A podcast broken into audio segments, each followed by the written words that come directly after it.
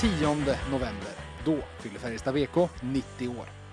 Fram tills dess räknar vi VO-sporten med den ranken vi kallar FBK Topp 90 ned Färjestads 90 största spelare genom historien. Mitt emot mig sitter spelaren på plats 54 på listan. Nio säsonger, 391 matcher, 204 poäng och ett SM-guld. Välkommen till VF Hockey, Christian Berglund. Stort tack. Är det, va- vi, börjar, vi får väl börja där då, plats 54. Är du arg eller glad på oss? Jag har inte hunnit reflektera så mycket men jag tror nog att ni har betydligt mer koll än vad jag har. Så att, eh, alltså det, det känns helt okej. Det är klart man vill ha varit så högt som möjligt men det finns många duktiga som är värda högre placeringar. Ja, jag ska säga att den här rankingen är ju då gjord utefter bara det man gjort i Färjestad. Så att, eh, att du har varit i NHL spelar ingen roll. Att du har säsongerna i Schweiz spelar ingen roll. Landslag spelar ingen roll. Utan bara precis det man gjort i Färjestad. Och det, du kanske hade behövt något guld till, är det det? Ja men jag, jag, jag tycker att det är helt okej så att jag absolut, jag är absolut inte bitter. Välkommen till podden i alla fall. Och eh, från och med den här säsongen så börjar VF Hockey med VF Hockey-tian. Så jag börjar och säger, vad är det sista du gör innan du somnar? Oftast är det nog faktiskt ljudbok Mm. som jag lyssnar på och då brukar jag, ja det är nog sällan jag kommer förbi fyra minuter känns det som. Jag är riktigt bra på att somna snabbt. Men du, du är ändå att du startar dem varje Ja, kväll. jag, Det är jag, jag vill ju gärna lyssna, Ja. lyssna på boken, men då när jag ska sova då är det kört rätt tidigt faktiskt. Så att, eh, men det är en bra egenskap tycker jag. Mm. Vad är ditt bästa tips? Ja, precis om vad som helst. Ja, Jag brukar säga så här att man ska kunna se sig själv i spegeln utan att spy. Ja, okej. Och då tänkte jag mer inte på utsidan utan Nej. hur man är som person. Mm. Mm. Vad är du riktigt bra på? Oj. Mm. Har du någon, fall det är någon specifik grej eller fall det är något? Är ju det är väl tyvärr kanske inte alltid eh, positivt, men jag gillar ju, jag är ju bra på att tävla i Ja. precis allt. Det kan vara från små saker till stora saker till. Så att, nej men det är, väldigt bra på att tävla. Vi hade ju ett antal år där vi kallade för sportduellen i VF där du var med och tävlade i sportfrågesport eh, och jag som då gjorde de här med dig ett antal gånger kan ju gå i god för att när det är tävling då är det tävling, då finns det inget annat. Nej, sen så har man väl lärt sig nu åren att man behöver inte gå över lik för att vinna men men eh, Nej, så inte gott, långt nej det, men det har i alla fall förr så kunde det varit betydligt värre då struntar man väl nästan i konsekvenserna men nu får man ha lite konsekvenstänk till hur man beter sig. Du, vilka tre appar på mobilen använder du mest? Outlook, Mm. meddelanden, Mm. oj, ja det är nog Aftonbladet. Mm. Jag tänkte ifall det var ljudboksatt, men den, den kanske stänger av sig av sig själv där när du Ja somnar. den blir, ja men jag är nog de andra är på eftersom i ja, jobb och så så är det ju den appen i telefon, da, heter det, Mm. mailen så går tyvärr alldeles för Mm. ofta. Mm. Så jag skulle önska att Storytel var topp tre på dagarna. Ja, det. Ja, hade betytt att jag haft en jävligt bra dag. Vilken är din största last? Att jag är bekväm ibland tror jag, lat. Mm. Men eh, ja, På vilket sätt? Alltså, jag skjuter på saker. Ja, okej. Är det så här, är alltså, det står disk så orkar du inte ta det innan Ja, eller lägger det ta imorgon. in posten bara en sån Ah, sak. Kan okej. skjuta på, alltså sånt som jag inte tycker är roligt, det skjuter jag på. Ah, Så att, eh, jag skulle nog vilja att jag var mycket bättre på att ta tag i saker direkt. Mm. Vilken är din favoritfärg? Ja du. Har du någon? Grå, grå tröja, blå jeans, svarta skor, Ja, jag är en riktigt grå person. Så nej, men eh, jag säger grönt. grönt. Mm. Vad skulle det vara helt omöjligt för dig att lära dig? Hur mycket du än tränar så skulle du inte klara av det. Följa reglerna. Du, det känns som en puck vi tar upp senare. Du vinner en miljon. Vad spenderar du den på? Familjen, barna. Mm. På Nej. det liksom, att göra något ihop, alltså resa eller eh, Ja, det blir liksom lägga in i en, en insats till en lägenhet eller? så Nej, de det kan börjar- nog bli att man lägger en fond till barnen och sen så blir det väl att upplevelser tillsammans. Mm. Man märker nu att åren flyger fram och barnen är ju redan 13 och 16 år så att Mm. eh, ja, det blir på barnen. Mm. Definitivt. Vad äter du till frukost? Ja, det ska väl inte jag säga högt, men jag äter ju inte frukost Nej, alls. du, Eh, nej men det, är- att, du är eh, inte ensam om det. Jag har haft flera i podden som har sagt att de eh, skippar frukost. Ja, jag, när jag var aktiv så åt jag ju absolut. Men jag har aldrig varit, men nu är det väldigt sällan jag äter frukost. Men eh, jag säger frukost mig, det är väl första morgonsnusen man tar det. Ja, det. Mm. Och kopp kaffe. Ja. Till sist då. Du får fria händer att bjuda in fyra personer till en imaginär middag. Vilka skulle du bjuda in runt bordet för att sitta och köta med? Kan det vara allt från kändisar till kompisar? Ja, jag vara. säger direkt Tiger Woods, Michael Jordan och Heidi Klum. Ja, men då har du tre, det är en till. Ja, en till. Ja, fyra personer. Det, de där hade du på rak arm. Ja, men nu, jag vet inte vad jag säga så, men då skulle jag väl nästan kunna ha med mig en dold pistol och ta in Putin vid bordet också. att, eh, nej, han ska man väl inte bli blandad med, men uh, oh, en fjärde till. Michael Jordan och Tiger Woods, det är ju lätt att förstå att det är idrottskoppling och så. Heidi Klum, är det en barndomsidol eller? Ja, det är ju... ja, jag vet inte vad jag ska svara på den. men en till också då. Ja. ja. Går du på någon till åt idrottshållet eller kan det vara? Nej, men då önskar jag att jag fick ha, då kunde min eh, morfar som var död skulle få Mm. sitta med vid bordet. Just det. Vad, heter, vad hette han? Bengt. Bengt. Mm. Bengt, Michael Jordan, Tiger Woods, Heidi Klum. Det är, det är ett fint middagssällskap. Ja, ändå. jag vet inte ifall, eh, jag hoppas morfar är hyfsat på engelska då. Precis. Du, eh, FBK Topp 90 som sagt, vi har räknat ner nu i två veckor ungefär. Vi börjar på plats 90, där hade vi Kristoffer Nilstorp och så har det matat på ner och du landar då på plats 54. Och vi gör ju lite större intervjuer och nu tänkte jag vi ska göra det även i poddform eh, och ta med lyssnarna på en liten resa igenom din, din hockeyresa så sett, för det är ju det vi bedömer. Och jag tänkte att vårt första stopp vintern 94-95 där i samband med, det är ju väl säsongen efter OS måste det vara. Lillehammer måste ha varit på våren, eller hur? Ja, det stämmer va? 93-94 måste det ha varit. Ja, OS, de var redan Ja. 94 ja. Går man in på din Elite Prospect-sida så eh, är det den första säsongen som finns eh, bokförd. Spel i Karlskoga HC i division 3. Och jag, jag tänkte här att Lillis till exempel, han är ju ganska vida omtalat om att han var jäkligt ung och spelade i, i trean borta i Charlottenberg så. Men du, 14 år? Ja, Men det var ju det som var gamla trean, den som är division 2 nu då. Ja, just det. Ja, det var ju Karlskoga HC. Jag gick i åttan, kommer jag ihåg. Så... Och det var, det, det, den säsongen är första 94-95 eller hade du varit uppe i A-laget innan? Nej, det var första året jag spelade i A-laget. Ja, Eh, jag tror inte mamma ville släppa iväg mig innan. Nej. Nej, men det var... Det gick fjol- väldigt snabbt de åren där. Så att, men 14-åring ändå mot seniorer då man, alltså, du kanske inte var riktigt lika kort i växten som Lillis var såklart. Nej. Men eh, det, det kan smälla ändå. Ja, men så var det väl lite... Ja, man var väl hyfsad stryktålig och Ja. hyfsat stark i, ja, i balans och så. Så man klarade sig rätt bra där. Sen var jag ju helt... Ja, det var, då, man hade ju inga... Man hade ju inte, var ju inte rädd för någonting. Så Var du jag skogstokig? Ja, så jag var, var väl osams med dem jag, som jag tyckte var gamla gubbar då, som jag Ja. säkert var 25 år. Ja, exakt. Men nej, så ja, det funkar bra. Det var, det var väl lite hårda mot mig i början, men det var, det hjälptes ju bara till det så man Mm. blev härdad. Men jag, jag har bara, hade- det var inga problem, så det var perfekt år för mig. Jag fick spela nämligen i A-laget två gånger matcher i veckan och sen spelade jag med juniorerna en match och sen min egen ålder en match. Ja. Så jag fick spela på olika nivåer och det, jag utvecklades väldigt mycket den säsongen. Mm. Jag menar, du gjorde, du var inte bara med, du gjorde 27 poäng på 20 matcher i A-laget som 14-åring. Det.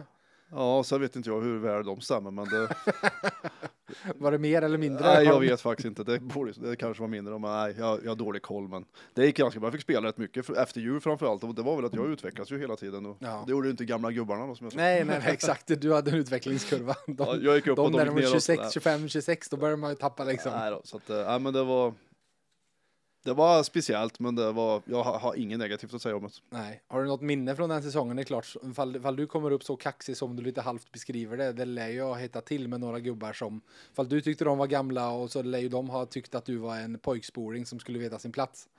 Ja, men från det året var väl, jag kommer ihåg, vi fick spela eh, bortamatch, jag kommer inte ihåg ifall det var vad de hette, men det var runt åt Örebrohållet och då vi, vi, Ja. kom, vi fick ställa in match för det var uterink för det var snö och dålig is.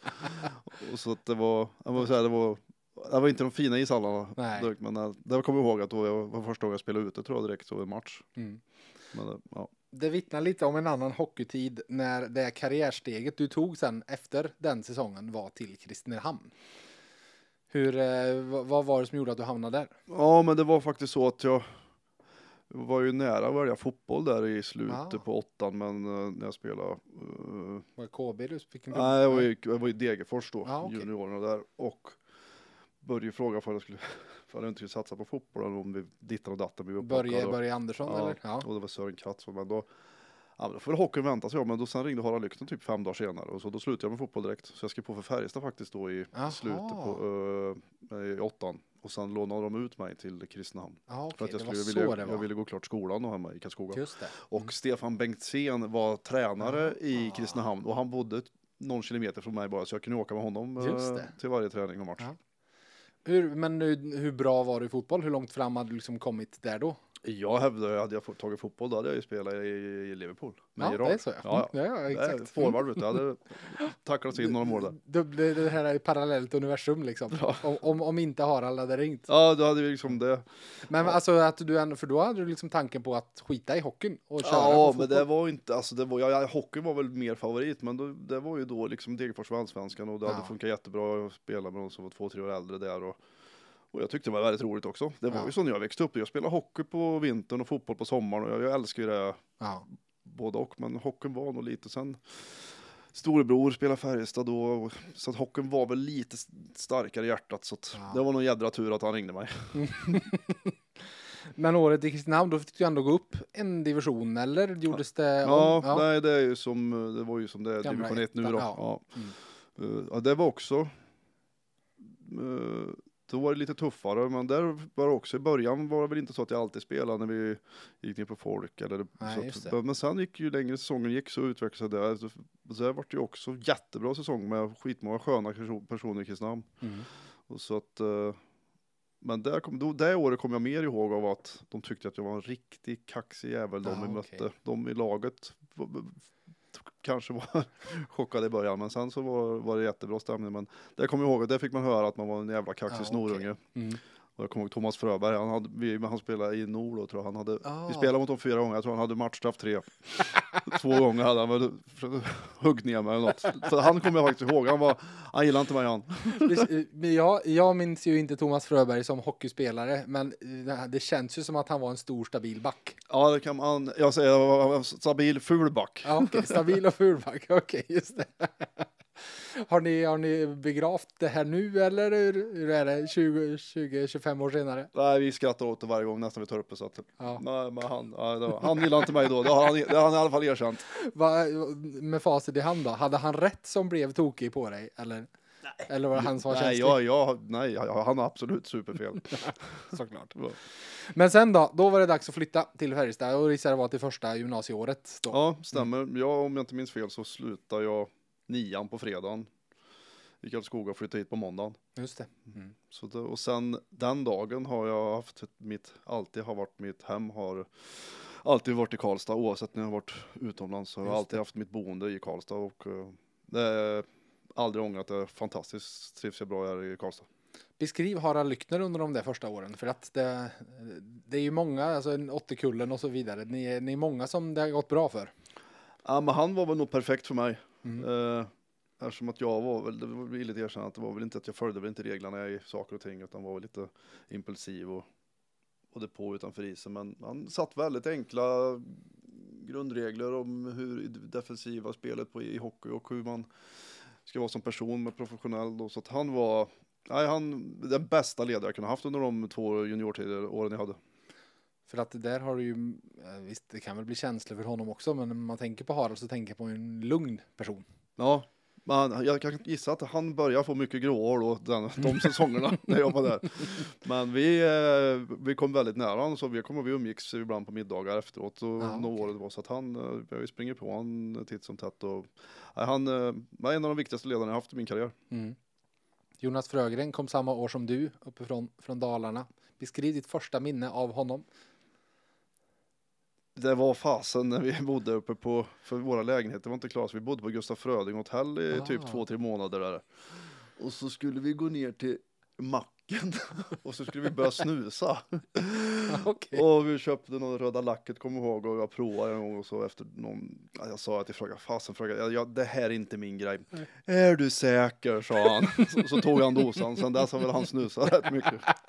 Ja, du sa ju att det var en del din morgonrutin, så den- till sist så vande du dig. Ja, jag började när jag var 35. Ja, okej. Riktigt Shit. smart. Efter karriären. Ja, det var ja, sista året i BIK tror jag när jag var Ja, skadad okej. så var det någon bredvid som snusade. Så, alltså, det var riktigt osmart. Ja, det, det är ju inte ovanligt, eller vanligt så sett.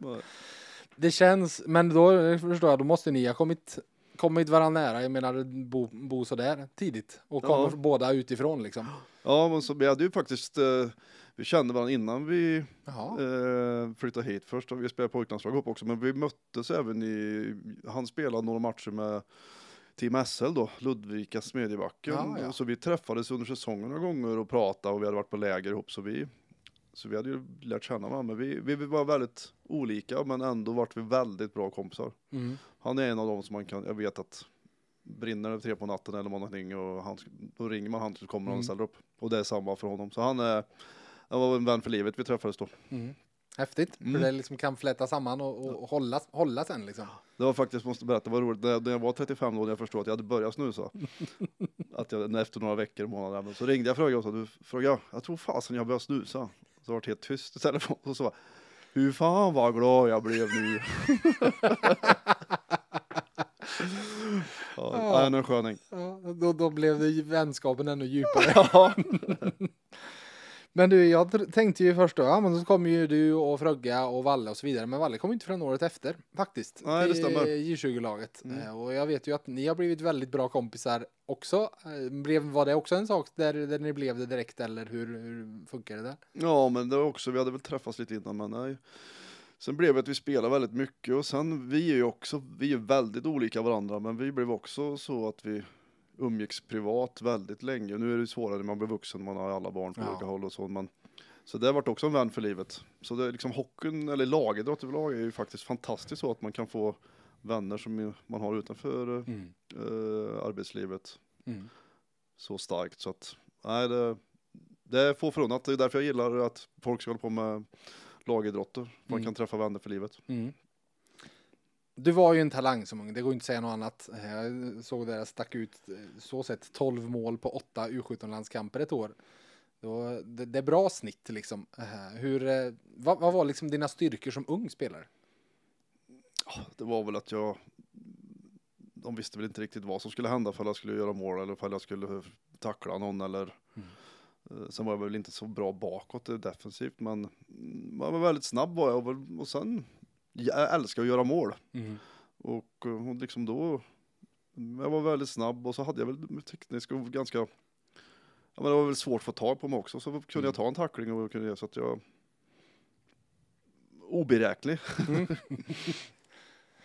För det, du kom ju upp i A-laget, eh, stora genombrottet får vi väl ändå säga var 0-0-01 säsongen. Eh, när, du, när du gjorde riktigt mycket poäng, 37 poäng, 49 matcher. Var det då någonstans du kände att ja, men nu, nu har jag landat i det här? Ja, de två åren innan så var det väl Det var lite hattiga år i sen Ja, man spelade väl inte jättemycket i A-laget, fick väl ingen riktig sån roll som man, alltså som, man fick det man förtjänade, det Ja, säger jag inget ja. annat om, men det är klart att jag spelar väl st- många matcher som att man stod att man spelar många matcher, men- men många matcher spelar man inte så mycket. Nej. Men, eh, så att det, man kan väl säga att det var min riktiga, när man kände sig, det är klart jag var delaktig i de andra säsongerna Mm. och spelade på slutet ofta mer. Men den säsongen var väl då jag kände fasen att det här, det, det här klarar jag av. Jag tror även att det var det året jag gjorde riktig landslagsdebut Ja, men också. precis. precis. För du spelar juniorlandslag och så. Men Mm. det är klart, det här laget, fall du gjorde väl dina första matcher 98-99 tror jag var två år innan. Jag tror jag gjorde en match Ja, då jag förut när jag, det var mitt andra år i Ja, Färjestad, vad var jag då då? Man glömmer snabbt men. Jag var väl andra års J18-spelare, fick vara med i en match, jag tror jag gjorde ett byte. Ja, okej, just det. Men det är ju klart, det här är ju de, de dina första två år i klubben så vann Färjestad SM-guld båda åren. Så att det var ju inte ett jättelätt lag att slå sig in i. Nej, så nej, så det var, men det var kul att få vara med och ibland och träna och, Ja. få se hur, vad som krävs då, för det var ju Mm. många duktiga spelare som man kunde titta på hur de betedde sig både Mm. på isen och men hur mycket de tränade och, och hur de betedde sig mot folk så att nej, jag har, det var positivt. Du öste in poäng det där året. Du tog även hem en titel. Ja, jag förstår att jag, jag tror jag slog Totos gamla rekord det året.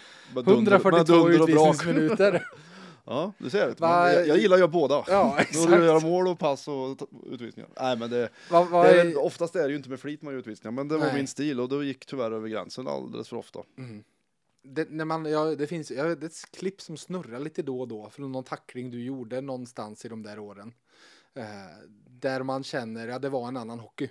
Ja, det var det ju. Eh, Det gick ju inte så snabbt heller, så det var ju inte så lika mycket hjärnskakningar. Det, som jag brukar folk fråga, men varför är det nu då? Det, liksom, men det är ju, ja men prova kör in i en bergvägg i 50 km i timmen och så kör du 100 sen så får du Mm. se. Det är klart som fasen det blir skillnad. Det går så fruktansvärt snabbt nu sista Mm. 5-10 åren så att du behöver ju inte Förr behövde du sätta in en väldigt bra tajmad tackling, alltså om du, för att träffa någon så att kanske för hjärnskakning. Nu räcker det att de åker ju nästan in i varandra Ja. och du ändrar någon huvudets position mikrosekund så liksom så många, de, 99% är ju inte med flit folk Nej. tacklar i huvudet, men det går så fruktansvärt snabbt. Mm. Så jag tror att det, det, det går inte att komma undan det. Nej. Så att det är ju, det är ju, det blir faktiskt lite, det blir tråkigt såklart, men det, det ska ju inte behöva, vi måste ju få bukt med det såklart, för det går inte att ungdomar, ska, eller grabbar och tjejer ska få sluta när de är 25-26 år för att de har fått för många hjärnskakningar. Har du någon, någon idé om hur? Nej, det är ju det jag inte har. Nej. Då hade jag ju faktiskt och jobbat med det. Ja, Ja, för ja. Men jag, det, jag tror, min personliga åsikt är att det går så fruktansvärt snabbt och alla är så supertränade och starka. Mm. Och då behöver du inte ens tackla huvudet att du går in och räcker att du åker in i någon. Mm. Så att jag tror att det är farten som dödar. Mm. Och då, det, det, det argumentet som lyfts fram lite då och då är ju, ja men det fick hakas mer förr i tiden. Det Mm. sinkade hastigheten på folk. Och till exempel. Sen är det ju tyvärr att säga att det de, det är så många nu som kommer upp eh, mer om, med spelare. Sen är det faktiskt väldigt många fall där spelaren sätter sig själv i en så Mm. fruktansvärt dålig och dum situation så att de får en smäll. Mm. Så jag tror att förr var det var mindre spelare i antalet förr, men jag tror de flesta var bättre skickliga spelare, speciellt med hur man går in i en situation utan att man hade lite mer split vision hur man Mm. betedde sig på isen. Jag tror att nu många spelar lite för naivt och då borrar ner huvudet och så att det är ju en mix då. Mm. Mm. Med ditt utvisningsrekord det har ju Emil Kåberg totalraderat ut därefter i alla fall. Ja, det känns faktiskt jävligt skönt. det var, jag tyckte väl det var rätt roligt att göra mycket mål och poäng och sen även radera Totos rekord Ja, fullständigt. just det. Men eh, just idag känner jag nu när jag varit ungdomsledare att det är inte det man vill bli ihågkommen för. de, Så det, de jag tackar Emil mycket för det. där liksom. Men Va, det var många feldömda utvisningar ja, det är också. såklart, såklart. Vad var de, vad var de mesta för då? Nej, men det var väl då, du på? Roughing, Ja, ja roughing Ja. blir ju då, alltså då får man ju 5 plus 20, Ja. det blir ju 25 minuter. Jag kommer ihåg att, jag tror det var samma vecka. Uh, börja match, mötte Modo på tisdagen och gjorde så här, tror jag gjorde tre mål, tre assist. Ja. Och sen spelade vi mot Björklöven på torsdagen och då tror jag hade 38 utvisningsminuter. det var lite skillnad på de två matcherna. Så det var... Men det visar väl upp kanske den du var också. Men du förstår Alltså, att det tar iväg om av- 38 ja, minuter i en match. Ja, ja men båda sidor av spektrat. Ja. Och jag gissar att det, alltså tränare på den här, med, all, med alla sådana spelare, det är klart du har väl fått höra, ja men Christian du måste lugna ner dig. Samtidigt så har väl många vetat att om du lugnar ner dig då är du inte en lika, var du inte en lika bra hockeyspelare. Nej, sen gällde det såklart att vissa lägen är ju mer viktiga än andra lägen då. Mm. Det lärde man sig såklart att det är en, vik en viktig match och det är jämnt och vissa sek- eller vart det är på banan och sånt Mm. såklart man fick tänka sig för. Men, det, men det, man, de flesta hoppas jag tänkte så tränare. Det gäller väl att släppa så, så nära gränsen som möjligt. Ja. Men jag, jag kan villigt erkänna att jag har säkert gjort många tränare besvikna för att jag gick över gränsen lite för ofta. Mm. Och när de hade hoppats att jag inte skulle göra det. Mm, precis. Men jag ångrar ingenting. Jag har ingenting, det var helt rätt. Vi var inne på att du kom till ett Färjestad som var ett väldigt starkt lag. Eh, Efter den här säsongen så skrev du en kontrakt och det går ju inte att säga något annat än att du kom till ett sjukt starkt, alltså en sjukt stark organisation.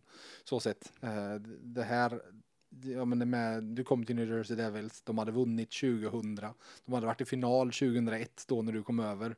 Skulle vinna sen igen 2003, så jag menar det är ju ett av NHLs absolut bästa lag. Hur, hur var det att komma över? Ja men det var ju, jag kommer ihåg första året var nog det som man kändes jobbigast. Man saknar Sverige mycket då, för det var ju, man längtade hem efter, men sen efter det var det fantastiskt att bo i USA. Men det här var ju innan det infördes lönetak. Mm. Så jag kommer ihåg det här laget vi hade då i New Jersey, det var ju helt, det känns som att vi hade behövt fyra lönetak om Ja. alla skulle spela, för det var det var så många världsstjärnor. Mm. Som, jag kan ju räkna upp tio man som är sådana här som är alltså superstjärnor som Mm. var i samma lag. Alltså så hade jag ju fått spela och se hur de var som spelare som Martin Brodeur, Mm. Scott Stevens, Niedermeyer, det är inte många jag ska räkna upp men Mm. alltså de har fått många fantastiskt bra, man får spela samma kedja som Igor Larionov. Ja. Så att liksom, då frågar jag, hur gammal är du Christian? ja, det vill fråga hur gammal var han då? så att, nej, de åren var helt, ja, det var, vi, må, vi måste landa i något där, för det är klart Martin Brodeur, det är väl, jag kan väl säga att det är världens bästa målvakt genom alla tider. Så sett. Hur var han att möta på träning? det är ju det som är hans talang alltså. Han, han var ju mästare i att tävla jämt. Mm. Jag kommer ihåg alltså, på första övningen kanske man fick, skulle skjuta ett skott och så träffade han det i masken tror jag. Inte, ja. Mm. Och sen slog in returen och han hade slängt sig och varit förbannad över att jag inte tog returen. För Jag hade dragit en sten och det, Men sen ibland kunde jag skjuta världens skott tycker jag, liksom, rakt i krysset på plocken och bara snabbt plocka den och kasta tillbaka. Try again Bergie! han var så jädra snabb och så Ja. sjukt skicklig med klubban. Ja, ja, det är ju en grej som stack Mm. ut. Liksom. Sen var han ju, det var ju gamla tider, men han, alltså, han var som tävlingsmänniska. Så det är helt fantastiskt. Mm. Han var, så att, eh, han var, han var godhjärtad också, ja, han var schysst. Scott Stevens är ju känd som en av NHLs bättre backar, men även en av de absolut hårdaste, tuffaste, ibland ful till och med. Tänkte man extra när man tränade med honom? Han eh, markerade bara när man, när, om man gick in i en dum sits, då kunde han komma och typ tvärbromsa sen, för han kunde ha släckt. Många. okej. Han hade till och med muskler i ögonbrynen. Han, var, han var sjukt, han var som granit. Och men superödmjuk och fantastisk med du, lagspelare. Så han höll, alltså han höll sig ändå på, mot lagkamraterna. Där Ja. skulle han aldrig göra något. Jag såg, jag visste ju inte eh, att han hade varit i, han var väl i Washington tror jag innan. Ja, just det. Om man, då var någon som visade något klipp då hur han var då när han och han var ju helt galen på Ja, isen. Så att jag förstår att folk var rädda för honom. Ja, ja. Du, du kände en, en soulmate där. Ja, han var ju nog många nivåer högre än mig. Vi kan väl säga att han hade väl eh, 20 kilo till kanske också. Ja. Det var Nej, en han var- bjässe liksom. Ja, han var, var bara muskler och men väldigt ödmjuk och varm person. Mm. Så att, eh, det är oftast är det så, de som är nästan hårdast på isen är ju godast utanför isen. Mm. Den sista jag var nyfiken på som vi inte kan skippa, du nämnde honom själv, Scott Niedermayer, som väl kanske nästan egentligen fick än större erkännande senare i karriären. Alltså han var bra här också, men i Anaheim så blev han liksom kanske upplyft mer till en, en superdunderback liksom. Men jag gissar att han stack ut även där. Alltså han är nog, han är superunderskattad. Han var nog Ja. säkert NHLs bästa back. Mm. Med för både försvarsmässigt men offensivt. Och det, det med honom var ju, han var också sådär, vi bodde grannar så vi åkte, samåkte. Och, Ja, ja. Han, ödmjuk som hundra, alltså det var så, ödmjukhet stor. Men Ja. han spelade så här 30-35 minuter på matchen och så när han kommer in efter matchen, han var typ bara svett där skydden satt åt. alltså han hade sån energi, alltså, snål ja, åkning, skridskoåkning liksom. Ja, så att det var helt, så han orkade spela hur mycket som helst. Och så var han superskicklig. Mm. Så han, jag skulle sagt att han är topp tre backar någonsin i hela världen. Ja. I min värld. Mm, mm. För dig då? Hur var, var de här åren? Du, du sp- spelar ju redan i NHL första året som sagt och gjorde en del poäng och så vidare. Jo, Och andra Jo, året spelade du typ halva, halva NHL-säsongen. ja, ja, men så hade jag skadeproblem, kommer jag ihåg. I, jag fick operera mig två gånger eh, för sporthörnia, vet du, det, en typ av mag eller ljumskbråck. Och, Just det. eh, drog en baksida, så jag var borta. Men enda jag kände jag skulle att jag varit mer skadefri det året de vann, för det var ju nära att få spela i slutspel också. Så jag gjorde väl halva grundserien och sen så var jag med som en extra forward då i slutspelet. Du var sån här, eh, ja, tax, eller inte Texas Squad heter det inte, Black Aces Ja, väl, så vi ja. var ju, men sen var det skador så sjätte matchen fick jag och Michael Rapp då. Åkte vi med då för då skulle vi en av oss spela. Mm. Och, men då var det en center som skulle vara i fjärde så han hoppade in, han spelade 25 matcher i grundserien. För det har jag kommit ihåg många fråga mig. Ja. Men han eh, fick spela både match 6 och så vart det match 7. Ja. Så match 7 styrde han in 1-0 och hade assist på 2-0, 3-0. Och de vann med Kondogarna. Mm. Det är också lite paralleller i universum om det.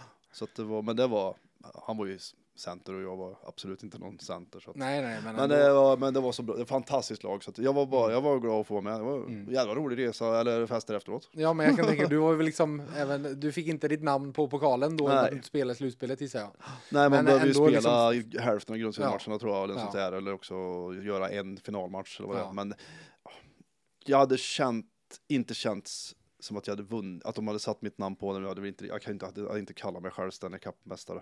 Ja, då vill man ju bidra lite mer och spela i slutspelet och Mm. vara ordinarie då. Mm. Ja, så att, eh, jag är absolut inte bitter för fem öre. Det var, men det var kul att få vara med och se. Ja, berätta, Jag var ju berätta. nästan på sidan, eller Ja. nästan med. Ja, men precis det. Alltså, du, du är väl en hockeyälskare och få uppleva en Stanley Cup-final på det sättet, från insidan på det sättet måste ju vara häftigt bara det. Ja, men sen då, men efteråt firande tillsammans så, Ja, hur var festen? ja, det var, det var väl, det var bra. Det var bra. det känns, alltså det, det, det, här är ju mångmiljonärer hela bunten. Det känns som att de där festerna, de snålaste inte på. Nej, det, de tjänar ju, jag, ska, jag, så, jag tycker ju såklart att jag tjänar bra också, men gick ju inte att jämföra med Barten Brodeur och de där Nej. som tjänar fantastiska summor. Så att, eh, men de var givmilda, det var ju det man, man var ute och käkade för att man åt ju alltid ute dagen innan match på borta. Då, det var sällan de ville att en annan skulle få betala. Det Ja, var okej. nästan så att eh, de blev sura om man tog fram kortet för dem. eh, Ja, de, var, de kände, de har det och de ville vara schysst mot de yngre. Så att, ja, därför tror jag de många har varit så duktiga och lyckas i det laget i Devils. Att de var väldigt ödmjuka på sidan av. Mm. Och höll ihop gruppen. Ja, Mm. och skitschyssta. Tredje NHL-säsongen, då blev du tradad till Florida. Eh, när var det under året? Jag var ju då, det året jag hade opererat mig, så jag var vart tradad när jag var, alltså då när jag var på rehab. Just det. Så jag kom tillbaka när det var tio matcher till Florida då, och spela sista tio bara då. Sen så fick jag operera mig igen, kommer jag ihåg nu. Stämmer det? Men så jag, bruk, jag skojar med Jack när han var inne, grabben som språket. Ja du Jack, hade jag, sista matchen gjorde jag två mål i den här. Hade jag gjort tre vet du, då hade jag nog fått spela kvar. Nej, sa han. Men det var det? Ja. Tvåmålsskytt sista? Ja, och sen vart det ju lockouten då. ja. Och då Ja. byttes ju hela ledningen i Florida och så sanning var då fick jag tvåvägskontakt och då sa jag, ja då kommer jag inte. Så jag Nej, åkte till okej. Schweiz. Just och så vart det efter första året i Schweiz så fick jag samma att jag skulle få ganska bra men fortfarande tvåväg så sa jag då kommer jag inte. Nej. Så då var jag kvar i Schweiz. Mm. För då, då var Florida hade rättigheterna så det var de du Mm. fick bud från. Så Ja. liksom. ja. Kom, alltså med facit i hand, en lockouten, att den kom där, det lite tog, ja, men stoppade ditt momentum om man säger så i NHL-karriären liksom.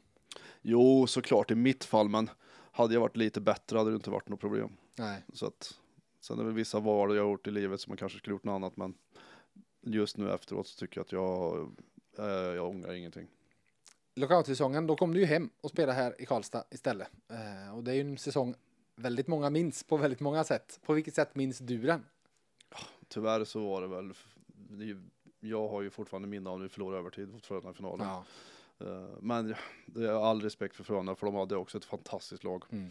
De, eh, de hade ju sjukt bra backuppsättning och forward så att det var, de var värda att vinna. Men det, jag hade önskat att vi hade vunnit året. Mm. Annars var det ju kul, vi hade ju också, det var ju möta superstjärnor varje kväll så Ja. att, eh, och det var bra drag i hallen. Och, det var, ja, det var, säsongen var mycket positivt men tyvärr så är det där att jag, det där med att jag hade önskat att vi hade vunnit det året. Mm. Du sa att du eh, höll Scott Niedermayer som en av de bästa backarna genom alla tider. Det fanns en här, eller det fanns flera, men klart Shara sticker ut också. Ja, fullbordsproffs. Ja. 117 kilo muskler tror jag det Ja. var. Eh, så att han, han är ju också, sen har väl inte han varit, han har väl varit bra såklart, men han är väl topp i världen också i de tiderna, men jag håller fortfarande Niedermayer högre. Mm. Mm. Men sen som sagt, Schweiz fem år. Var det en hockey som passade bra? Det ser ut så på poängen i alla fall. 222 på 226 matcher. Ja, men det var det väl. Det var väl inte lika uppstyrt som just på de åren när jag var där i, som i Sverige, utan det var mer lite mer, mer lite fritt. Och sen fick man, importer får ett jädrigt stort ansvar och jag kände, jag har ju aldrig haft, känt att det varit press. Jag har ju mer tyckt att det varit riktigt nice att få vara stjärnan i laget. Just det. Och så då gick det bra, då fick man ju jättemycket förtroende och spela mycket och, och försöka vara, vara en stjärna i laget och det, jag trivdes som bara den där nere och så passar väl hockeyn mig perfekt. Mm. Så att, men jag var ju inte, jag spelar ju samma stil där nere så att jag har väl många schweizare som har skakat på huvudet i början för de tyckte att jag var lite loco. Första året i Rapperswil, två i Bern och sen två i Rapperswil. Så tre år totalt i Rapperswil. Är det en, en plats du återvänder till fortfarande eller? Vi har tänkt på det jättemycket. Jag tror jag inte varit där sedan jag slutade faktiskt. Nej. Men jag har pl- planer att åka dit och hälsa på och titta på någon match framöver. Och helst både Bern och Rappi. Mm. Jag trivdes bra i båda städerna. Mm. Men Rappi, där kom jag, det fick man, eh, ja men de tog mig, tog hand om mig väldigt bra i Rappi och fansen var underbara mot en så att de, nej, de fick mig att känna mig lite som en rockstjärna ibland och Ja, så att det var, ja, det var, ja, jag för mig var som liksom perfekt Mm. Vet du, vad ho- läge var där och hur man, hur landet var och allting. Så det Mm. var, nej, det var bra mix. Jag satt med Sander Lindström inför säsongen vi spelade en säsong där i Rapperswil ihop. Ja, Han, eh, har, har du, han berättade då, för det kom upp när han berättade om sin största last i livet, så berättade han om chipsen och Ikea-turerna och så vidare. ja herregud. ja, han hällde vatten i chipspåsen. Ja. Så han, inte skulle, och han hämtade en i soppåsen annars igen för att börja äta. Så han fick hälla vatten i och sen slänga den. Han hade även att han, han var, vi tar där, han, han är lätt för att gå upp i vikt vet du. Ja, det. Han, när han åt godis så slickade han bara på godis och så spottade han ut dem. Svalde dem aldrig. för att hålla vikten. Ja. Mm. Men så kunde han äta, trodde han var jättebra att äta typ två kilo pasta. Det tyckte han var skitsmart. Det funkar. Ja. Okej, just det. Innan vi går vidare med ett eh, guldskimrande minne för Christian så har jag glädjen nu att äntligen få dela ut två stycken finalbiljetter i VF Hockey och ICA Maxi Bergviks stora lyssnartävling. Om vi börjar med avsnittet som var det andra för säsongen där Sanne Lindström var gäst så eh, var eh, den som kom närmast rätt tidpunkt för målet i premiären. Det blev ju ganska sent mål, det blev inte förrän i andra perioden. Så grattis Robert Norman! Du tar hem finalbiljetten samt då såklart presentkort värt 500 kronor hos Christer på Maxi Bergvik och en bag från VF. Men vi ska dela ut ett pris till, för i podden därefter, där jag hade Thomas Mittell som gäst, så var, var, där var det en betydligt mer lättgissad tidpunkt. För 12.21 kom, kom målet, det första i matchen. Skellefteå var det här, den förlustmatchen förra veckan för Färjestad. Eh, och där var ni många som var riktigt, riktigt nära. Absolut närmast Stefan Strickert som bara var 10 sekunder ifrån helt rätt tidpunkt. 12.31 gissar Stefan på, 12.21 var rätt måltid. Så stort grattis till dig Stefan. Du vinner precis som Robert presentkort värt 500 kronor på Ica Max Bergvik, en bag från VF och en plats i vårens stora lyssnartävlingsfinal. Med det sagt så ska ni andra såklart få chansen att vinna precis samma sak som Robert och Stefan gjorde. Så spetsa ögon, öronen riktigt, riktigt noga nu.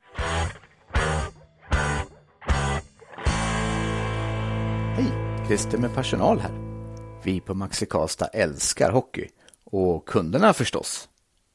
Förutom dagens gäst, Christian Berglund, fanns det spelare som Rickard Wallin och Jonas Frögren i FBKs 80-kull. Eh, ja, det får vi väl anse som en, en rätt så hyfsad kull ändå. Men nu undrar vi, vilken moderklubb har Jonas Frögren? Lycka till, så hörs vi i nästa avsnitt av VF Hockey. Googla lugnt!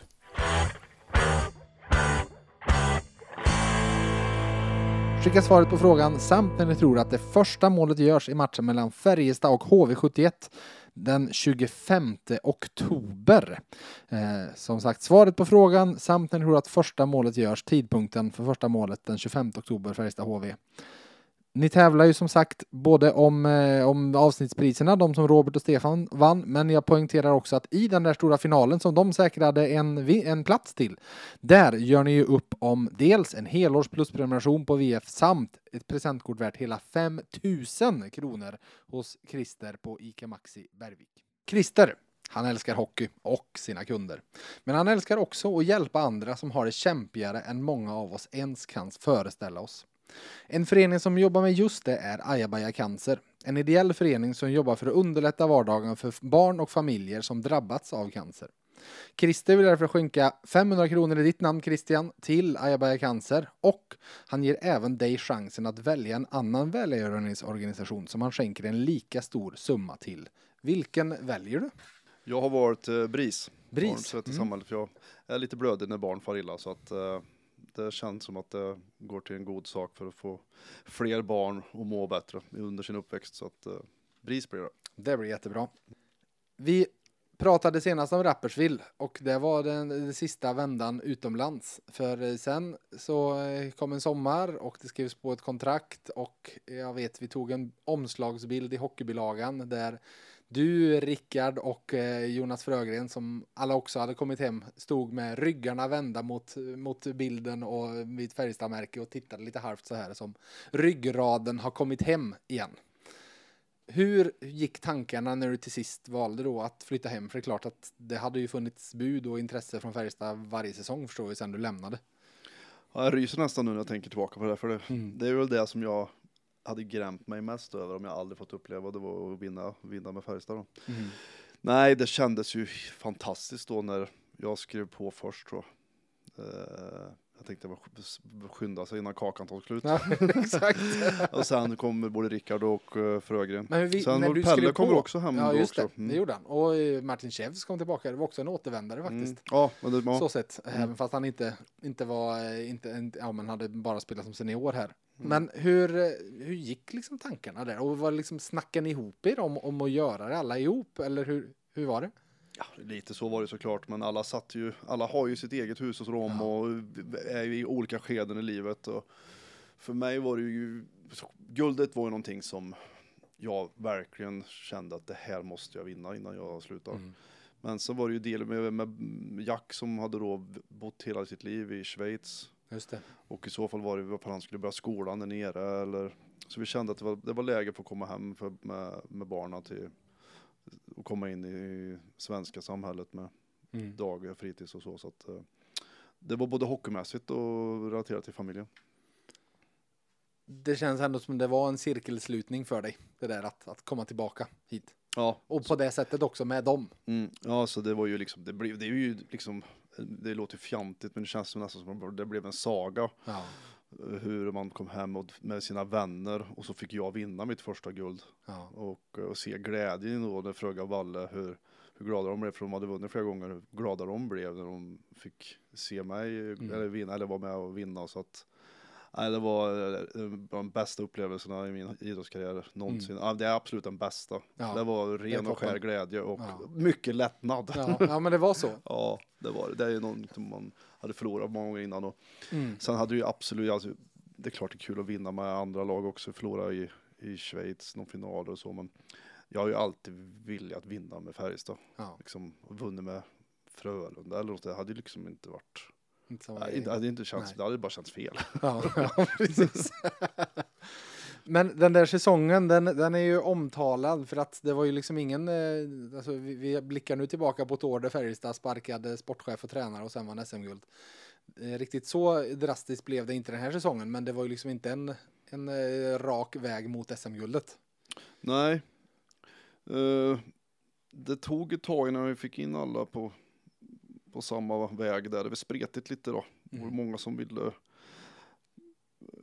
ha större roll än vad de kanske just då kunde ha. Mm. Men sen så fick vi ihop gruppen och acceptera sin roll. Mm.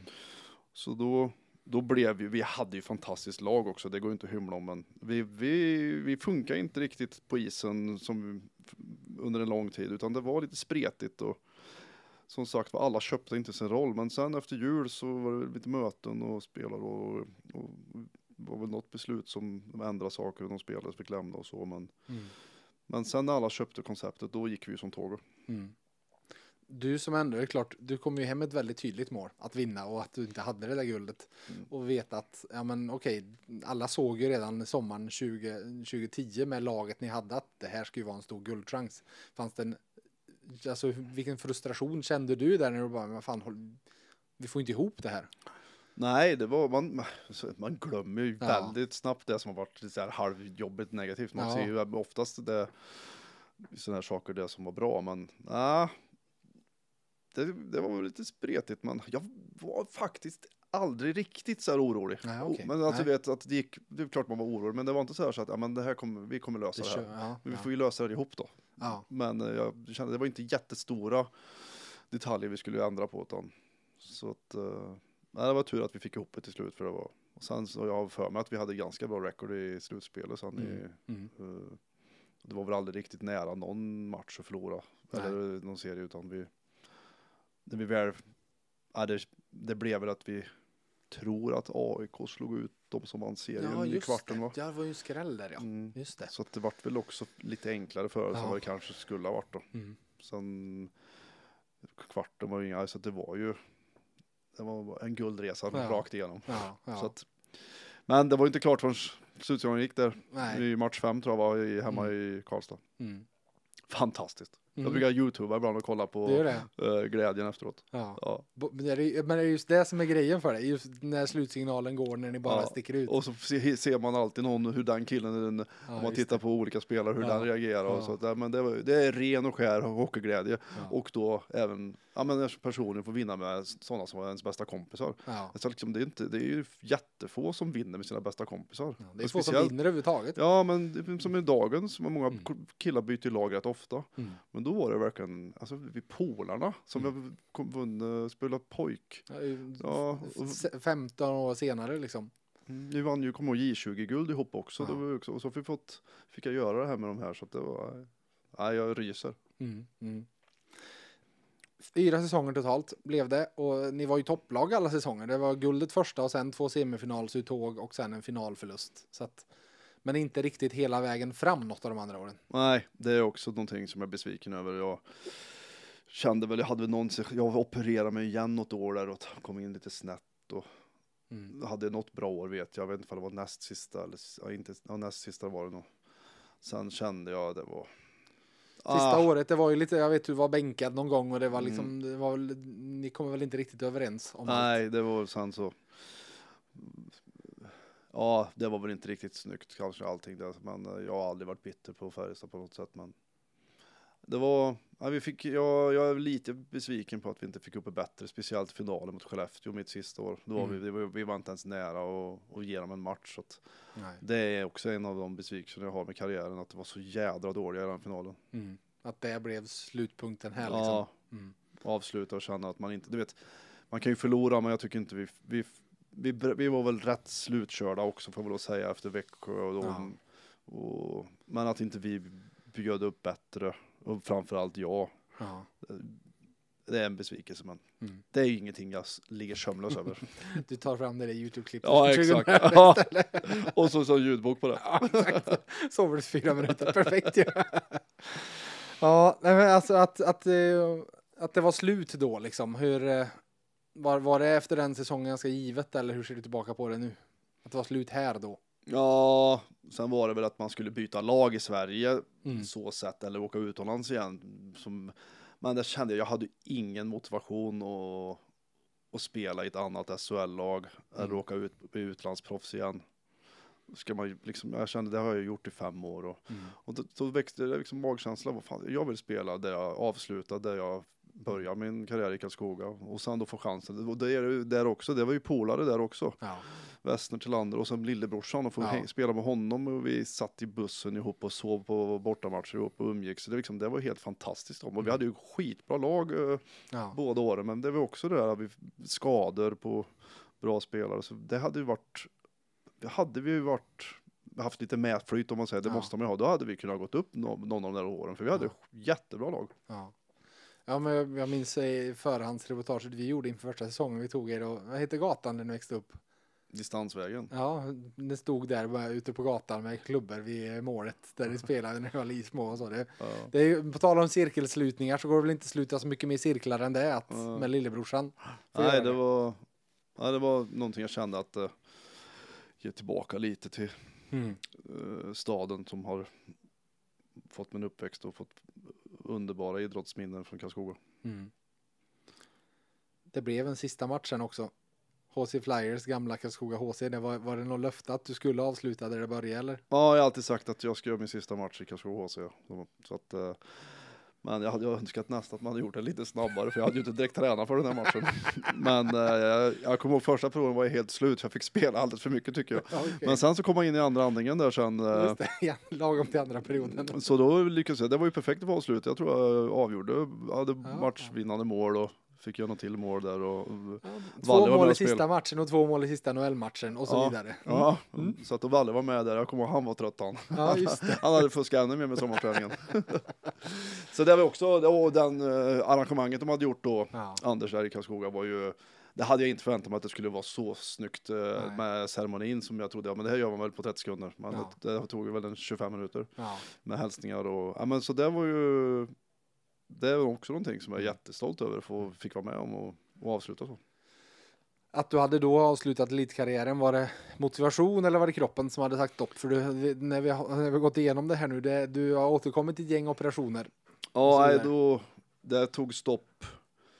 Jag vaknade i Malmö, jag kommer ihåg, eh, runt jul efter jul på en match och skulle sätta mig i sängen och det var som någon stack en kniv i höften på mig. Så, Ja. Men jag kommer ihåg, fast jag, jag vill sova illa tänkte jag på eftermiddagen så jag spelade den här matchen men efteråt jag kunde ju knappt röra mig. Och då kom jag hem och då hade, fick, hade jag fått dubbla diskbråck då. Eh, så sen kände jag, ja, men då hade jag ett år kvar på kontraktet. Jag, ja, jag gjorde allt jag kunde och rehabba som Mm. bara den hela sommaren och sen efter en månad i sista året så kände jag att det här kommer jag aldrig funka för kroppen den, jag hade problem, musklerna var svagare på en sida. Och, Ja. men då så kände jag det här är sista resan så att, men jag ville inte säga det till någon så jag, Nej, jag bet ihop hela året. Så, men så, det var ju en bearbetning så jag visste ju Du visste när du Att klev av isen att det här var sista? jag visste då att redan när det var sex månader kvar att Ja. det här kommer vara sista jag gör som Ja. eh, professionell hockeyspelare. Så att, eh, och sen så var det betyg, vi hade den sista matchen hemma och då betydde inte den matchen sista någonting så då bad jag tränaren att jag, att jag för de visste inte om att jag skulle sluta, men några i laget förstod så på slutet så ställde de, ja, lite hyllning med medspelarna då. Ja. Så då bad jag om att slippa sista matchen för det var borta i Timrå så då avslutade jag min sista match i Karlskoga. Just det. Mm. Men så att, så sen tyckte inte jag det var jobbigt för jag kände Nej. att jag var klar. Så när hockeyn började säsongen är på och jag var och tittade på de färgerna så kände jag nej, fy satan vad skönt att slippa det här. Ja. Så, Men då har du ju haft ett år att bearbeta det mentalt liksom. ja, jag tror att det kan ha hjälpt mycket. Ja. Eh, och så visste jag att eh, kropp, jag hade gjort allt jag kunde. Operera var inte, kände jag var inte läge. Var jag 35-36 år operera ryggen för att Mm. kanske spela några år till och det kände jag och det är inte säkert att det blir bra så att jag, kunde, Nej. jag kan ju leva ett normalt liv, eh, absolut tycker jag. Mm. Det var inte extremgrejer men så att jag kände att det, det räcker nu. Det räcker nu. Mm. Vad är du mest stolt över? Av det här? Det är väl alla gånger jag har bitit ihop och kört vidare när jag tycker inte att det har varit, alla man har haft motgångar och inte gett upp. Jag har aldrig gett upp. Det där, trots det vi pratar om last, att du- de jobbiga grejerna skjuter upp och så Ja. vidare. Men där har drivet funnits. Ja, Att- hockeyn är ju inte någonting som jag tycker är tråkigt. Nej, nej, just det. Det posten är ju jädra skillnad. Betala räkningar, Ja, är mig. Nej, så att det, jag har fasen, det är jag väldigt stolt över att jag har haft alla motgångar. Det har varit mycket motgångar, absolut. Mm. Men då har hittat en väg att komma igenom det. Mm. Så det tycker jag är mest stolt över. Och såklart SM-guldet. Mm. Det, det är pricken där. Ja. Hur är livet för Christian Berglund idag? Nej, men det är förälder till två barn, underbara barn. Jack och Lycke, 13-16. Eh, dottern, vi har en häst, så det är i stallet Mm, ibland. Så det det. trodde jag inte för några år sedan. Nej. Och så grabben eh, spelar ju hockey så han kan ju följa där. Eh, sen jobbar jag på ett företag som heter Myrskin, Mm. eh, säljare där, kanonbra. Så där... Det är det eh, du gjort sedan du ja, slutade? jag b- började faktiskt där i november, och det är 16 måste det vara. Det har gått snabbt alltså. Just det. Så där har jag Sex år jobbat. Mm, Inga kvällar, inga helger. 8 Mm. till 3 jobbar jag så jag hinner ta- hämta barn om jag behöver och vara med dem. det. Så att, Mm. och men det är ett jättebra företag. Mm. Vi har väldigt roligt på jobbet. Sen är det en, en eh, marknad som är väldigt bred så ingen dag är lik den andra. Så att, Det är väl eh, Myrskin, det är väl, det är ju ja, hockeykoppling den där gamla legenden Christer Dahlgård som Ja. är ägare och chef. Så att, eh, han är jävligt rolig. Ja, Så att, eh, ja, men vi, det är roligt att komma till jobbet. Det är liksom viktigt. ja. För vi har ju vuxit nu med personal och jag har sagt till alla liksom, den dagen vi inte tycker det är roligt då kommer vi inte vara lönsamma. Så att det är Nej, viktigt. Det är som ett lag också. Mm. Berätta, det är inte alla som vet vad ni gör. Vad är det något företag? Ja, vi säljer ja, men arbetskläder, profilkläder till företag eller allt giveaways. m- Just det. Till mässor, till stripa bilar, alltså det är det. allt vad ett företag behöver. Mm. Så det är bara att ringa mig. Ja, Jag löser exakt, Exakt. Den här podden är ett betalt samarbete. Jag, jag skickar fakturan. Jag brukar säga, jag är inte säljare, jag är fixare. Ja, exakt. Fixa kille. Ja. Mm. Du var inne på Jack eh, och det är klart han är 16 år nu och eh, fick lite rubriker i fjol där vid TV-pucken gjorde han massa mål och det lades ut klipp och folk bara men herregud han åker ju till och med skridskor som pappa och så vidare. Hur, hur, eh, hur är det att vara hockeyförälder? Jo, det är jobbigare än att vara spelare själv. Det Mm. är ju, alltså, det är ju både med ridhopp, som dottern tävlar i Ja, hopp, hoppning och han tävlar i matcher i hockey så är det ju det är där man, när man ser att de, in, att de blir besvikna och ledsna, då blir man, det tycker man är jobbigt. Mm. Mm. Sen är det ju, jag struntar i om, eh, om man gör åtta mål och jag tycker det jobbiga är när, eller glädjas såklart de är glada, men det är när de, när de tycker det, när de blir ledsna och har motgångar och tycker, förstår du? Ja, då blir ja. man eh, svag som Ja, pappa. det är jobbigare när Ja. de har den när du hade det. Ja, så att, eh, men det är som när dottern tävlar i hoppning, det är ju fruktansvärt. Vet du. De har Ja. helt, det är bara jag står och Då håller någon annan, det är så nervöst varenda gång. Och Ja. får man veta att om inte hon har en bra upplevelse så blir hon ledsen och då blir jag, Ja. tycker jag det är jobbigt. Så att, Ja, nej, så att, eh, det är ju skillnaden att man, ja, man blir blödig vet du, när man Ja. blir äldre. ja. Hon håller ändå på med en annan idrott, Jack där, som valt din väg liksom. Hur, hur, hur, hur det är klart att all, alla de här, det, det finns många av dem i Karlstad såklart, söner till, söner eller döttrar nu också till, till gamla spelare. Det är klart, när det står Berglund på ryggen så, Jo, det är klart att det inte är rättvist för honom och hela tiden ska han känna, jag vet han har väl också krav på sig själv och Mm. att ska jämföras med mig så att det är inte så, det är klart att det är inte så roligt alltid. Men eh, ja, sen är det ju ofta så, det är vilken idrott han väljer och eh, så är det ofta barnen följer sina föräldrars, om det, om det är Melvin Lyckeholm. Ja men om sådana, men om det är simhopp eller Mm. om det är fotboll så att det blir ju det att man växer upp med vill ju göra som föräldrarna gör så att Ja. det är inte så konstigt att många vet du, barn till duktiga spelare blir framgångsrika i sin idrott sen. Nej. Eftersom att de så att, eh, och hockey är inget annorlunda där. Så Nej. att, men jag tror inte det är bara då, speciellt hockeyn inte, jag tror det är alla idrotter. En sak jag har återkommit till den här eh, till i den här podden många gånger de här åren vi har poddat är det finaste en hockeyförälder kan ge sitt barn är en schweizisk spelarlicens. Han har väl Rapperswil som moderklubb? Jajamän. Har de, på riktigt, har de ringt? Nej, jag har en annan, en, som är en kompis som jag spelar med i Schweiz som är sportchef i en klubb. Så han, eh, han kommer ihåg, han ringde mig med In five years I'm gonna sign him, done deal. Nej, ja, så det är ju såklart eh, en fördel. Ja. Men det är ju lite alltså, lång, ju- ja, men långsökt det- såklart. Men ja. det är ju, Ta Ja, den Brunqvist till exempel. Han kunde sticka, ha ner och spelat andra ligan i Schweiz Mm. istället för att spela division 1 hockey, vilket var typ den nivån han var på Mm. här hemma. Nej, så att det, det, det får vi se vad som händer. Men jag skulle ju inte bli besviken om man spelar Schweiz. Nej, precis. Då får jag åka, åka- då får du ja. äntligen åka ner igen. Så att, eh, nej, det, han började där som, eh, hans första lag var ju, när han var fyra år spelade i Rappi då. Mm. Ja, det är fint. Har en, har en fixad så sett. Ja, det var ingen baktanke alls. Nej, nej, nej, jag förstår det. Jag förstår det. Du visste ju inte alls hur det systemet fungerar och så Nej. vidare. Vilka, alltså, vilka råd ger du honom med, din, med den bagaget du har ändå från en, en så lång och professionell framgångsrik spelarkarriär? Ja men vi är väldigt olika faktiskt. Han, är- han är ju så här, han är ju Han nästan, han är och, ja, men nästan 1,90 lång och Just det. 47 på fötterna och så att, eh, ja, vi, han behöver, det kommer ju ta tid för han är ju så pass växt så snabbt men jag har sagt till honom hela tiden att det viktigaste är att du älskar att åka till hallen. Vad, Ja. eller, vad du än gör så ska du göra det för roligt. Men alltså, jag började spela hockey och fotboll för att jag tyckte det var så förbaskat roligt. Ja, Jag började inte spela hockey för att jag skulle bli proffs. Nej. Så att den dagen du inte åker till hallen och älskar det, då, då är det svårt att lyckas då. Mm. Även när du är 28 år skulle du älska att komma till hallen. Mm. Så glädjen till det man gör måste finnas. Så att eh, han får, och han älskar både hockey och fotboll. Så att Mm. än så länge så, ja men nu har han Mm. fått sluta då såklart. Ja, okej. Nej, att han ska, han ska ha roligt. Ja. Sen så kan ju jag komma och såklart vara ganska, har ju varit hård mot honom när jag tycker vissa saker men helheten är att han ska älska att komma dit. Mm. Och sen så, jag kommer aldrig tvinga honom till att träna extra men liksom, alla behöver ju all, bli bra på olika saker så att han måste hitta, hitta drivet själv och träna extra. Mm. Jag kommer inte tvinga honom. Nej. Hur är din relation till hockeyn idag? Nej, den är väl stort sett noll. Det är det? Jag är där och tittar ibland. Mm. Såklart på, eh, på Jack. Ja. Men annars så har jag inte. Men i slutspel är jag faktiskt där rätt ofta och tittar för då var det riktigt roligt. Mm. Annars så blir det mer jag går dit med kunder och Just det. har, har lite trevligt att kolla och äter gott och kolla på hockeyn. Men jag följer det såklart men Mm. jag har ju inget driv av att, att jobba med det igen. Nej. För då vet jag att då är det kvällar, helger i nio månader. Mm.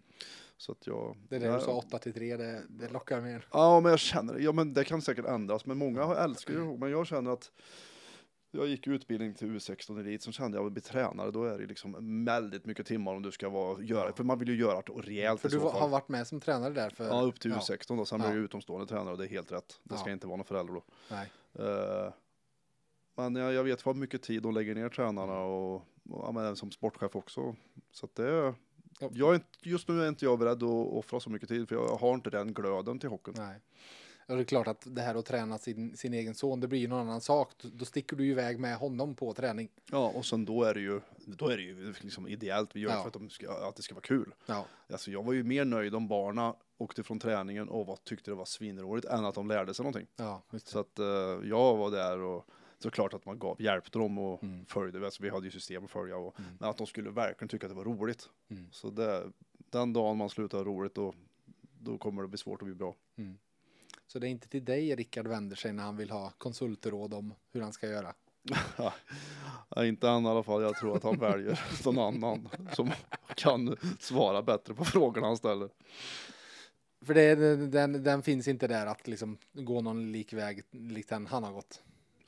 Nej, inte just nu känner jag. Då, då vill jag i så fall, då, då ska jag väl gå klart så man har helt 100% i tränarutbildning och, och då, då ska jag, det gäller ju där också, då ska jag älska att komma dit. Ja. Liksom, det ska ju vara roligt då att sitta och i fem timmar och Mm. förbereda sig för en match. Mm. Men eh, nej, då kan det vara rätt skönt att åka och spela padel istället. Du till sist ska du få en sista grej. Och den är, vi plockar ju nu ut en FBK Topp 90. Jag tänkte du skulle få plocka ut en FBK Topp 6 där du plockar ut av dem du spelade med i Färjestad. Målvakt, två backar och tre forwards. Eller vet du vad du kan få göra? Du kan få plocka en center och en forward för vi måste ju ha in dig i den här formationen Ja, också. ja, det är klart. Runt dig. Vilka, Ja. vilka, hade du, vilka hade du satt samman runt dig? Får du börja längst bak. Det behöver inte bara vara de bästa utan Nej. det kan vara liksom de som kanske har betytt mycket för dig och så vidare. Så sätt. Nej, men då, Eller haft bäst kemi med eller vad som helst. då väljer jag att säga Salak. Mm. För han var grym. Han älskar också att tävla. Mm. både på träning och match. Självklart Jonas Frögren. Mm. Mm. Vem sätter du bredvid? Ja men då måste vi, vi måste ju ha, vi, vi, shit alltså om jag tar han bredvid då kommer det inte många passningar till oss.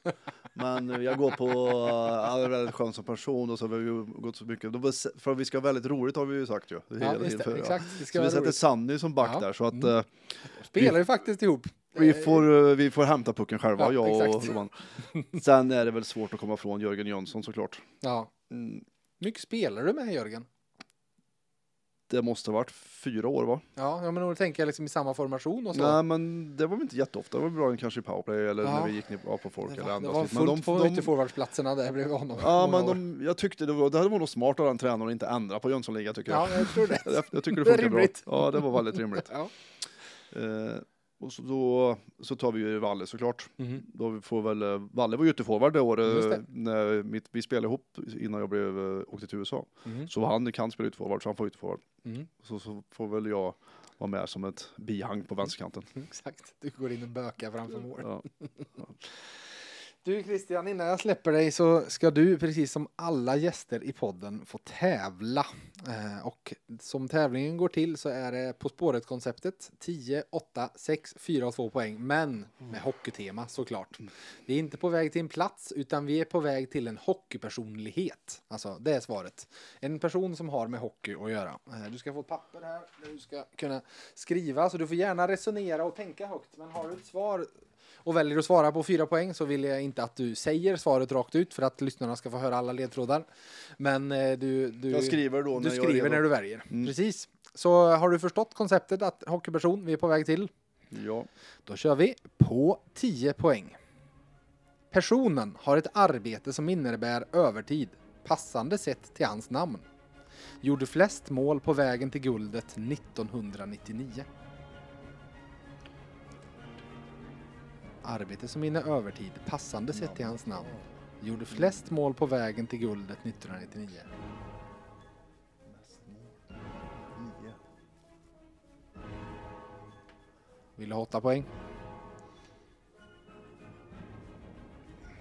Ja, jag kan inte sitta där. Jag har inte mycket tid som helst. Nej. Vi tar åttan.